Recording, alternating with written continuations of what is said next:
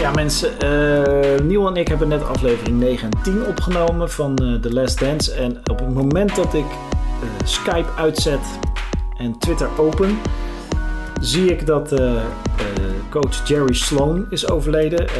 dat is een wootjebom, zal ik maar zeggen. Dus, de, de, de, coach van de Utah Jazz, Jerry Sloan, is vandaag overleden. En nou, wil ik nog heel kort toch nog even wat over zeggen. Jerry Sloan was ook de coach tijdens, eh, van de Utah Jazz tijdens de Last Dance. Echt een, eh, een geweldige coach. Ik weet nog, ik was natuurlijk, zoals ik ook ergens uh, in, de, in de podcast zeg, groot fan van John Stockton. En dus automatisch ook fan van Jerry Sloan, die op weergaloze wijze John Stockton en Karl Malone heeft ingezet in het veld. En altijd met creatieve oplossingen kwam. toch een heel dominant Utah Jazz team heeft neergezet. Maar ook vooral een hele fijne persoonlijkheid had, voor zover ik me dat kan herinneren van de uh, verhalen en quotes van spelers uit die tijd. Het is de, enige smet op zijn carrière is toen Deron Williams bij de Utah Jazz speelde en een trade uh, wilde forceren dat uh, ja, Jerry Sloan na geloof ik 200 jaar dienst bij de Jazz er geen zin meer in had. En opstapte en dat, dat dat het einde was van de, de carrière van Jerry Sloan bij Utah Jazz. Um, het was in dat, uh, in dat opzicht een soort foppende haand bij SC Heerenveen, zal ik maar zeggen. Daar kun je hem wel goed mee vergelijken. Uh, een topcoach die uh, heel lang aan het roer stond bij de Utah Jazz. en dus vandaag is overleden en eigenlijk geen, verder geen rol krijgt of heeft in The Last Dance. Maar ja, zonde vind ik jammer. Ik, ik, tenminste vind ik jammer. Ik word daar natuurlijk van binnen een beetje verdrietig van. Het is een van de eerste basketbalcoaches waar ik tegenop keek. Dus Rip, zou ik maar zeggen. Het is uh, sneeuwnieuws van, uh, van deze, om deze podcast mee te eindigen. Maar het is, ja, het is niet anders. En die dingen gebeuren ook. Dus helaas, Jerry Sloan overleden. En nou ja, ik zal ter herinnering nog wat oude jazzwedstrijden gaan kijken. Waarin hij aan het roer stond. En ik kan het jou ook aanraden. Zoek eens wat op over die man. Kijk eens of je wat interviews en artikelen kan vinden. Want het is een een hele fijne persoonlijkheid.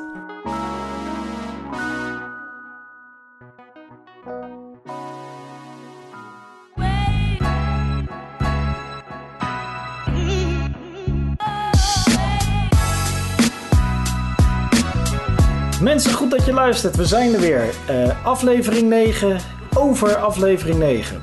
En dan hebben we het natuurlijk over de NBA Sport Amerika podcast over uh, de geweldige docu-serie The Last Dance. En ik zit weer met uh, Petersen. Hallo, Matthijs van den Beukel. Hoe is het? Ja, het gaat uh, uitstekend. Het gaat uitstekend. Hoe gaat het met jou? Heel goed, ja zeker. Uh, het, het, was een emotioneel einde, de laatste twee afleveringen kijken. Toch wel heel jammer. Ik moet wel zeggen dat ik gelijk alweer een toetje heb gekregen dat... ja, volgend jaar een documentaire, negen afleveringen, zeg maar, uitkomt van Tom Brady. Dus, nou, uh... nou, zit jij heel erg in de materie als het gaat om Tom Brady. Denk je dat het uh, hetzelfde soort uh, culturele impact gaat hebben als Jordan? Nee, nee, nee. nee. nee kijk, het verschil is natuurlijk... dit is, we hebben het over 20 jaar geleden. En Brady speelt nog. Ja, bij Tampa Bay. Ja, dus ik, ik zou zeggen... Ehm, nee, nee, nee. Ik, nee. ik kijk er wel heel erg naar uit. Dat sowieso. Maar of ik... Nee, ik denk...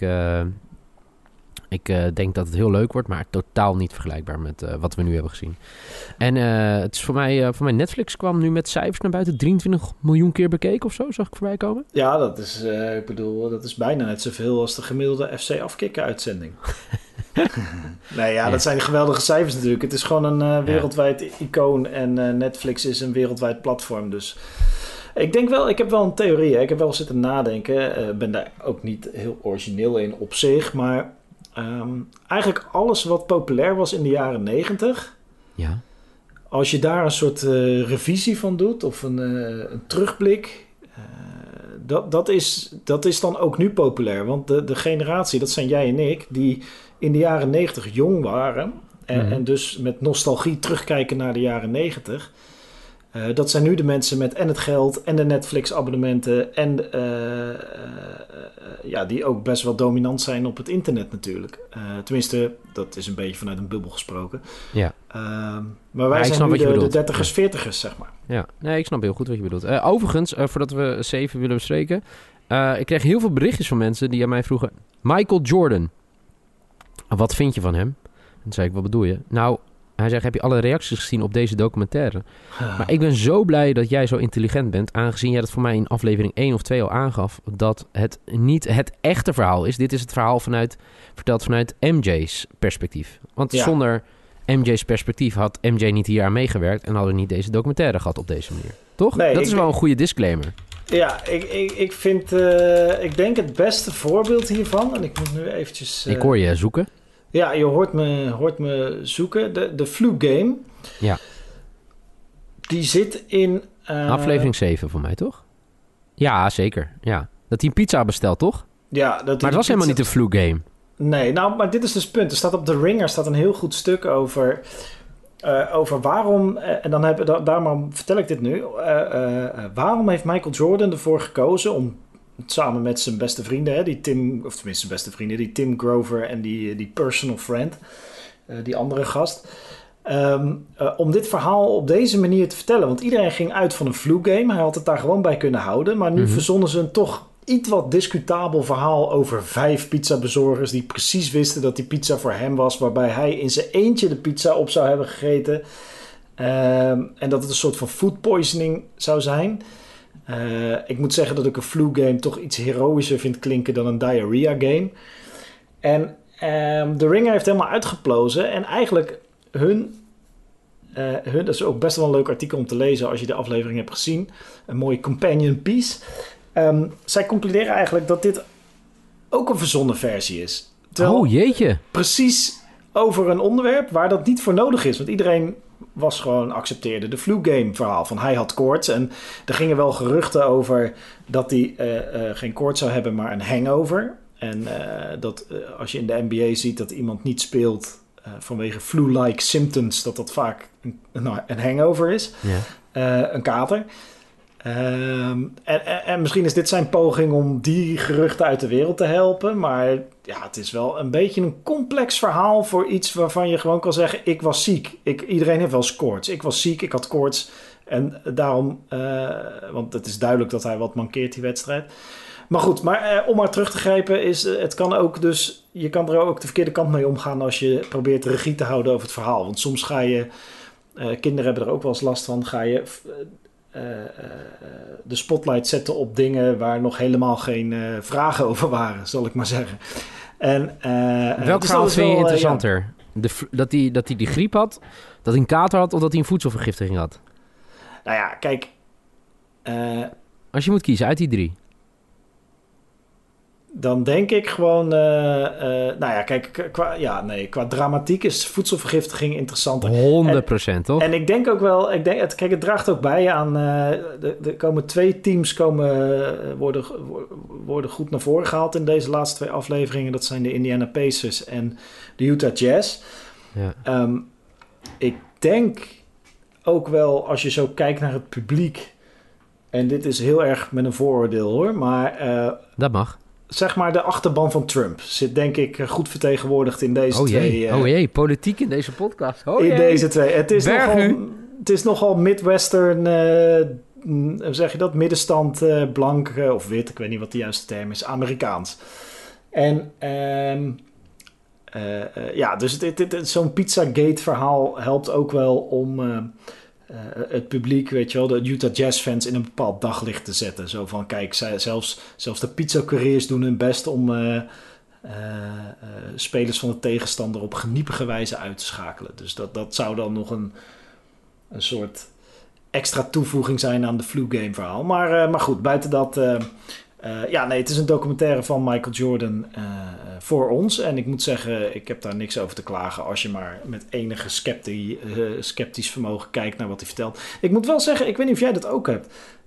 ik wist dat hij meedogenloos was, maar hij is wel echt heel meedogenloos, hè? Maar wat bedoel je daarmee? Want waar, waar oh, laat ik zo zeggen, hoe, hoe vind je het nu ineens er extremer dan voorheen? Komt dat Nou, door deze aflevering? Nee, niet zozeer. Maar het blijft maar terugkomen, dat thema, dat hij eh, een scheidhekel had aan mensen en ze daarom eh, kapot wilde maken op het basketbalveld. Ja. En dat, eh, of dat nou zijn eigen teamgenoten zijn, weet je wel, in, in aflevering 9, da- daar hebben we het eigenlijk nu over, komt Steve Kerr terug en die laat, weet je wel, dat, nou ja, we hadden al het verhaal dat hij heeft gevochten met Michael Jordan op de training. Ja. Eh, en nu zie je dat hij eh, eh, nou ja, zijn moment in de sp- spotlight pakt. We krijgen ook, dat wist ik trouwens niet. Dat vond ik echt wel een vet, of niet vet, dat is echt totaal het verkeerde woord. Over Beirut. Ja, zijn verhaal Zo, van zijn ja. vader. Ja, heel heftig. Voor de mensen die het... nou, ik denk dat iedereen het heeft gezien, maar... ja, hij, zijn vader wordt dus eigenlijk vermoord in Beirut. Is daar professor op een universiteit. En ja, het is echt verschrikkelijk. Verschrikkelijk nieuws. Eh, het, het gevoel is altijd dat ik, als ik dit dan... Ik weet niet of het in 9 of 10 was. Dat, het- maar het, het zou kunnen dat dit in 9 was. Eh, maar we hebben nog steeds geen antwoord gegeven, of jij niet, over wat nou Michael Jordan nou eigenlijk is. Zeg maar, voor jou.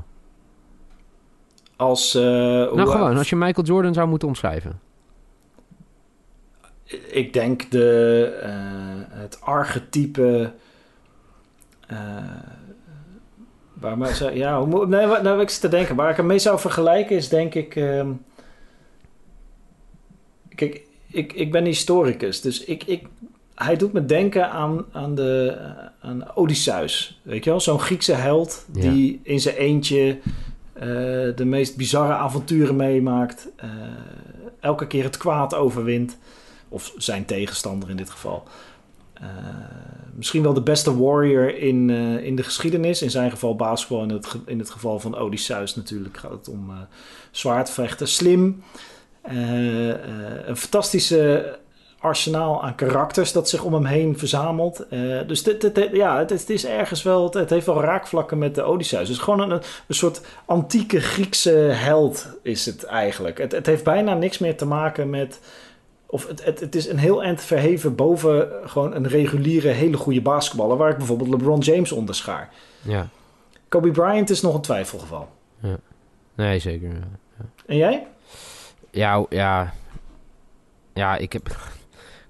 Laat ik zo zeggen, ik word niet snel moe van dingen, maar ik word echt moe van deze discussie. Want ik heb hem dus echt heel vaak moeten verdedigen.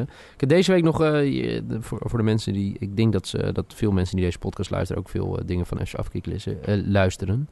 En we hebben een podcast met drie profvoetballers. Bart Vriends, Thomas Verhaar en Maarten de Fokkert. En het is een hele leuke podcast, de Core Podcast. En daar ging het dus ook over, over The Last Dance. Zo voetballers die ook nu deze podcast kijken. Iedereen kijkt deze podcast. Tuurlijk. Of de, de, de, deze documentaire. En eh, het ging dus over dat Bart het, eh, ja, weet je... eh, nou, eigenlijk de, mm, vier dagen later kwam het er eigenlijk op neer. Ja, hij haalde het beste in mensen naar boven. Maar als hij niet zo had gedaan, hadden ze dan ook niet zelf geëxceleerd, zeg maar. Ze, hè, komt het door hem? Hè, komt het echt door hem? Of hadden ze zich maar op een andere manier ook een niveau gehaald? Nou, het enige wat ik weet, als je Jordan nu beter leert kennen door deze documentaire, is dat hoe hij het heeft gedaan, heeft succes opgeleverd. En er is geen enkele andere garantie dat als je het anders zou doen, dat je ook zes titels zou pakken. Ja. Of zeven, waar in aflevering 10 naar gesuggereerd Ja, wordt. Maar goed, Zeker. ja. Ja. Nee, maar goed, weet je, dus dat... Ja, en blijkbaar... En dat zie je ook, zeg maar, in die... Voor mij, ik weet niet of het in die flu game is of die andere, maar dat op een gegeven moment loopt het niet. En dan gaat er gewoon een knop om bij hem, weet je. En dat hij, hij refereert van mij ook aan, weet je, ja, weet je, ik wil het met elkaar doen, maar als de rest niet doet, dan doe ik het wel zelf. De groeten. En hij doet het ook gewoon. En het is zo bizar, en dat is voor jou nog beter, denk ik, uit te leggen dan, voor, dan door mij. Want jij bent een basketballer, maar hoe verschrikkelijk knap dat is. Ja, het is waanzinnig als je eh, op dat niveau, hè, want het is niet dat eh, om hem heen eh, en dat hij alleen maar tegen. Nou, Nee, koekenbakkers deze, of zo, De ja. aflevering 9 speelt hij tegen Carmelo en John Stockton, misschien wel een van de beste duo's in de NBA ooit. Hij speelde ook tegen Reggie Miller, een uitstekende, venijnige straatvechter. Ja. Hij heeft echt wel zeer respectabele tegenstanders. Hè? Dus hij doet het ook nog eens op een niveau tegen tegenstanders die zelf ook in staat moeten zijn om een wedstrijd te beslissen. Mhm. En ehm, ik, ik hoorde van de week een uitleg, die vond ik wel heel interessant. Waarbij eh, LeBron James, die kiest als het moet, kan LeBron James ervoor zorgen dat het juiste schot genomen wordt. Michael Jordan zorgt ervoor dat hij het juiste schot neemt. En dat is een nuance. Ja, ja nee, nee, nee, ik snap wat je bedoelt. Ja. ja, dus LeBron James, die zal er, weet je wat, die twee keer, drie keer dat, dat uh, Michael Jordan uh, de bal paast naar uh, Paxson in de eerste three-peat en Steve Kerr in aflevering 9. Die daar natuurlijk een hilarische anekdote van maakt tijdens het kampioensfeest. Ja. Maar um, ja, dat, dat, weet je, het feit dat hij die bal naar die paas, dat zij een beslissend schot maken, dat is meteen een belangrijk component van de, een, een tiendelige docu-serie. Die twee Zeker, keer dat hij dat doet. Ik vond trouwens... Ja, nee, zo gaan we door, sorry. Nou ja, en, en, maar LeBron James doet dat heel vaak. Zorgen dat de situatie zo is dat het beste schot voor het team eruit komt aan het eind van de wedstrijd. en als het moet, kan hij hem zelf ook nemen. En dat doet hij ook regelmatig. Maar mhm. Michael Jordan neemt hem. En LeBron, uh, LeBron, James zorgt ervoor dat het juiste schot gecreëerd gaat worden van hemzelf of van een teamgenoot. En dat is wel, dat is wat jij ook zei, de dominantie dat hij in staat is om hoe dan ook uh, een schot te nemen. Ja, dat is waanzinnig. Ik, volgens mij was het, nou ja, ik weet niet meer welke het was, maar een van deze twee afleveringen ook dat hij er eentje mist tegen, ik denk de, in aflevering 10 tegen de Utah Jazz. Mm dat hij er eentje mist uh, die er ook gewoon in had kunnen vallen. Dan hadden, ze, hem, uh, hadden ze hem ook uh, gewonnen. Nu moesten ze terug naar Utah voor een Game 6. Ja, dat was in aflevering 10. Ja. weet je wel, hij neemt hem gewoon. Kobe Bryant is ook zo'n type. Zeker. Zo eentje die hem zelf neemt. En niet een schot gaat creëren voor een ander. Nee. Ik vind het wel mooi... Reggie Miller. dat was al de teaser vanuit 8 naar 9. Aflevering 8 naar aflevering 9 over, uh, weet je, dat, uh, ja, we zijn een beter team. Uiteindelijk gaan ze naar zeven toe, hè, naar zeven wedstrijden. Maar verliezen ze hem uiteindelijk wel. En het is wel mooi dat uh, van mij Reggie Miller vertelt in zijn rookie season dat hij tegen Jordan komt. En dat hij iets tegen Michael Jordan roept of zo, zeg maar. Ja, gelijke ruzie. Ja, uh, you're Michael Jordan en the guy who always walks on water of who walks on water. Ik weet niet, zoiets. Maar, en dan wordt hij in de tweede helft kapot gemaakt door Jordan. En uh, het enige wat Jordan, Jordan na afloop zegt, zegt hij... Don't ever uh, talk trash to uh, Black Jesus. Ja, oké. Heel goed. maar wel Reggie Miller, ook gewoon Hall of Famer. nooit meer hem Michael Jordan genoemd, hè? Nee.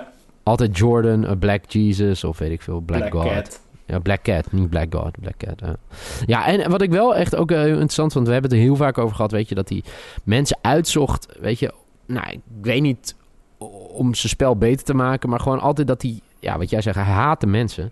En één, één van die mensen is, even kijken, hoe, hoe heet die gozer ook alweer? Uh, dat is in die Jazz Bulls serie. Uh, die die Byron Russell? Nee, oh, Brian, uh, Brian, Brian, Brian, Brian, Russell, Brian Russell. die ook het laatste schot tegen schiet. Ja. En dat iemand, uh, dat, hij, hij, was toen voor mij, was in zijn periode, zeg maar, dat hij gestopt was. En dan gaat hij naar, uh, dan, dan komt hij een keer voor mij Stockton tegen, weet je, dat hij dat... Uh, weet je, die, die waren dan uh, bij de Bulls en een beetje kletsen. En dat iemand zo'n grote mond had, weet je, dat, dat, dat, die, dat die Russell tegen hem zei: Ja, waarom ben je nou gestopt? En ik had je. Uh, ik, was, ik, had, ik had je sowieso gestopt, weet je, bla bla. Weet je, ik had je sowieso kunnen guarden. Dat zei hij als rookie tegen Jordan. En dat, dat Jordan dan een paar later tegenover hem komt. En denkt: Oké, je had ooit een grote mond tegen mij. Ik ga je nu echt heel veel pijn doen. En dan. Ja, dit is denk ik nummer, wat is het, uh, eh, 722 of zo. Van mensen die die op zijn lijstje had opgeschreven om even te vernederen. Maar toch, weet je, en dit is precies het punt wat ik zeg. Ja, moet je het doen? Weet ik niet. Moet je het uitspreken? Weet ik ook niet. Maar hij doet het en hij maakt het ook waar. En dat vind ik wel echt, dat is zo bizar. Ja, ja. snap je wat ik bedoel? Ja, ik snap wat je bedoelt. En ik snap ook wel beter wat bijvoorbeeld zo'n Bart Vriends dan bedoelt, hè? Ach, nee, uh, Bart niet. Nee. Oh. Bart geen credits geven. Nee, zeg maar, sorry. nou ja, dat, je, weet je wel, dat hij het nodig heeft om dat niveau te halen en om dat soort wedstrijden te domineren. Uh, weet je wel, waarom kan hij het niet zonder? Maar goed, hij heeft gewoon die, die, die, dat vuur van binnen nodig om dan zo'n gast kapot te spelen. Ja, ja. ja. Ah, ja. Terwijl, ja. als je kijkt naar het huidige NBA... Ik zit te denken, zou de, kijk, ik bedoel, je kan dat vuur namelijk ook hebben en, en die wraakgevoelens als je uh, uh, niet het niveau hebt van Michael Jordan. Dus dan valt ja. het minder op. Maar uh, je hebt natuurlijk altijd wel de, de, de revenge game. Hè? Als een speler getrade wordt door een team en dan het seizoen erop Zeker, zit, heb je in ja. het voetbal ook. Ja. komt, spelen ze vaak een stuk beter. Dus, dus ja, alleen Michael Jordan creëerde dat voor zichzelf constant. Zeker als het erom ging. Ja, dat is toch wel interessante, interessante psychologische materie. eh, eh, dat zo'n Michael Jordan oplevert. En je ziet ook, ehm, je ziet ook echt dat ze het niet, eh, niet altijd makkelijk hebben. Zoals deze, dit, deze aflevering tegen eh, de Indiana Pacers. Gewoon echt moeten beulen. Ja, naar zeven gaat hij, ja. Ja, ja, dat, Ja. ja. dat is gewoon heel interessant. We, je- we hebben En Rick ook... Smits, hè, de Nederlander, Ja, was- ook een rol. Ja, ja. Duncan Dutchman. Hij was ook gewoon goed in alle hoogtepunten. Dat is wat jij natuurlijk al aangaf, weet je. Zo gaaf om dat te zien, weet je. Dat, eh, al, die, al die mooie basketbalmomenten. Ik vind het zo Ja. mooi. Het is wel echt, echt gewoon gaaf ook op te zien. En ook nog over Keur gesproken. Het is natuurlijk knijterhard wat ik nu ga zeggen. Maar ergens is zeg maar die bonding tussen Kerr en Jordan ook ontstaan... omdat allebei hun vaders vermoord zijn natuurlijk. Ja, En dat is natuurlijk super heftig. ja. Maar dat geeft je natuurlijk wel een bizarre band. Waar, weet je, ik weet niet wanneer die knokpartij precies tussen die twee had plaatsgevonden. eerder al. Ja. Ja, nee, een stuk eerder. Maar ja, het is natuurlijk krankzinnig. Ja. Bizar dat er ook mensen bij elkaar komen en nog Ja. steeds. Ja. Allebei op een eigen manier, want Curry is juist wel heel erg een mensenmens. Enorm. Dat zie je ook wel echt in de documentaire. Ook hoe die speelde. Vind je dat niet? Ja, ja, ja, ja, ja. ja. Hij heeft humor, heeft, Ja. eh, eh, heeft toch die vrolijke blik op de wereld. Hij en relativeert ook. Ja, zeker. Ja, Ja, hij relativeert ook eh, veel dingen. Ja. Maar goed, uiteindelijk ja, gaan ze dus uiteindelijk wel... die, de, verslaan ze de Pacers. En dan ja, mogen ze naar, naar eh, Utah Jazz. En het gekke is, weet je... Carmel, Carmelo is natuurlijk... Ja, we, laten we daar even mee aflopen. Want Carmelo komt niet heel veel aan het woord. Nee, hè? ik zag wel een clip van hem deze Ja. week. Dus ik dacht dat, weet je, voordat ik het ging kijken, dat dat heeft hem. Maar Carmelo heeft niks. Maar Carmelo over Jordan, ja. Weet je, Sam Planting is eh, ook echt basketballiefhebber. En eh, weet je, en, ik zag wat tweets bij hem voorbij komen over, over Carmelo. Maar ja, dit, dit is gewoon, dit is gewoon echt een gekkie. Ja, ik wist dat dus echt niet. Wist jij dat? Het, het is een beetje een bizarre man. Ja, hij heeft geloof ik eh, een paar... eh, een transportbedrijf en een, paar trucker stations en zo. En, het is een vrij... ja, het is, een, het is echt een heel Billy, zal ik maar zeggen. En, eentje van het platteland. In alle aspecten. Ja, maar toch wel echt, weet je, ja, wel een grote speler. Een hele grote speler, maar... Hij heeft nog bij de Lakers gespeeld. Ja, maar het is, weet je, eh, hij, hij, hij, Carmelo, hij zegt... er zal nooit iets zinnigs of niet zuurs uit zijn mond komen. Ja. Ja, heel mooi. Ja, ik... Nee, eh, apart. Ik moet wel zeggen dat, dat wat we, wat, daar dacht ik net al aan toen we het over Rick Smits hadden en nu ook over Carmelo. Ehm het is ook een soort basketballer dat we nu niet meer zien in zo'n grote rol. Omdat ze postspelers zijn. Nou, Carmelo zou nog wel kunnen. Die, die heeft nog wel een soort. eh, eh, die zou nog wel impact kunnen hebben als een soort Ben Simmons-achtige. eh L. Horford-achtige speler. Eh, maar dan zonder de driepunter. Eh Rick Smits niet. Dat is gewoon een, eh, weet je, zo'n Valen- zo'n DeAndre Jordan. Dat is een goede speler, hij is nuttig, maar het is niet ja, eh, een topspeler zoals toen de tijd. Omdat hij gewoon een aantal facetten mist die nodig zijn voor het huidige basketbal. Ja. Maar, ehm, eh, maar ja, goed, je weet niet hoe zulke talenten zich hadden ontwikkeld en hoe ze aan zichzelf hadden gewerkt als ze in, een, eh, in, een, in het soort basketbal hadden moeten spelen zoals we tegenwoordig zien. eens. Eh, Ja. Maar dat post, dat post, ik heb ook een heel goed boek daarover nu. Over hoe de NBA gewoon verschoven is van de midrange. Dus zeg maar tussen de bucket, waar de vrijworpen genomen worden, en de driepuntlijn. Naar of onder de ring of de driepuntlijn. Eén van die twee. En het, dat, daartussen is gewoon niemands land. Daar gaat eigenlijk niemand meer vandaan scoren. Cool. Dus je ziet allemaal spelers zoals L. Jefferson later nog. Ja. eh, die heel erg goed waren op dat, op dat terrein. Ja, die, die zijn nu irrelevant. Ik, ik, Carmelo is ook... Je moet maar net in het goede tijdperk geboren zijn. Trouwens, die Carmelo, die tweet zag voorbij komen over... Even kijken, heb ik hem hier nog? Van Sam Planting? Eh, waar stond hij? Eh, hij? Sam zegt... Classy de Carmelo in Last Dance niet tot schurk wordt gemaakt. We hebben het hier over een dude die ooit... Komt-ie. Een vriendin van 15 had. Met 100 miljoen op de bank. 125 euro alimentatie per week weigerde betalen. Bestuurslid van de NRA was. Over zichzelf in derde persoon praten. Ja. Wat goed zeg. Ja. Zijn er eigenlijk documentaires over Carmelo? Eh, weet ik niet. Ik denk dat is er niet een 30 for 30 over eh, Stockton en Malone. Ja, oké. Kijk, ik zou dit verhaal nog vertellen de vorige keer over. eh, eh, Ja, er is een documentaire, hè? oh, Beyond the. Glory. Even kijken. Staat op YouTube. Dus mocht je interesse hebben. Ja. Ik heb dus ooit, ik, volgens mij was dit een teaser van onze vorige podcast. Oh, jee. Eh, ik heb een kleine, kleine anekdote over eh, John Stockton. John Sto ik was altijd fan van John Stockton. Hè? Dat snap ook. ja. Klein en pasen, dat is ook een beetje mijn spel. Fel verdedigen. Ehm, Maar die, eh, niet op zijn niveau uiteraard, maar het, het zijn haalbare, haalbare aspecten van het spel voor mij. Ehm, ik was zo- dusdanig fan dat ik dus... Ik heb dus ooit John Stockton een brief geschreven. Een fanbrief. En, Serieus? eh, ja, ja, ja. Toen ik eh 16 of 17 was, denk ik, heb ik een, gewoon ouderwets een brief op papier... in, een brief, in een brief gedaan en opgestuurd naar de Utah Jazz. Op een of andere manier achter dat adres gekomen. En toen kreeg ik waarschijnlijk gewoon van de marketingafdeling, maar toch... een maand of wat later een, een, een portretfoto van John Stockton met een handtekening, volgens mij een gedrukte handtekening erop. Ja. Eh, en dat was eh, eigenlijk mijn enige interactie met John Stockton tot nu toe. Maar eh, toch een kleine, kleine John Stockton anekdote. Geeft ook aan hoe, groot ik, hoe hoog ik hem had zitten als, als speler. Nog steeds denk ik dat het misschien wel top 3, in ieder geval top 5 guard is van de NBA alle tijden.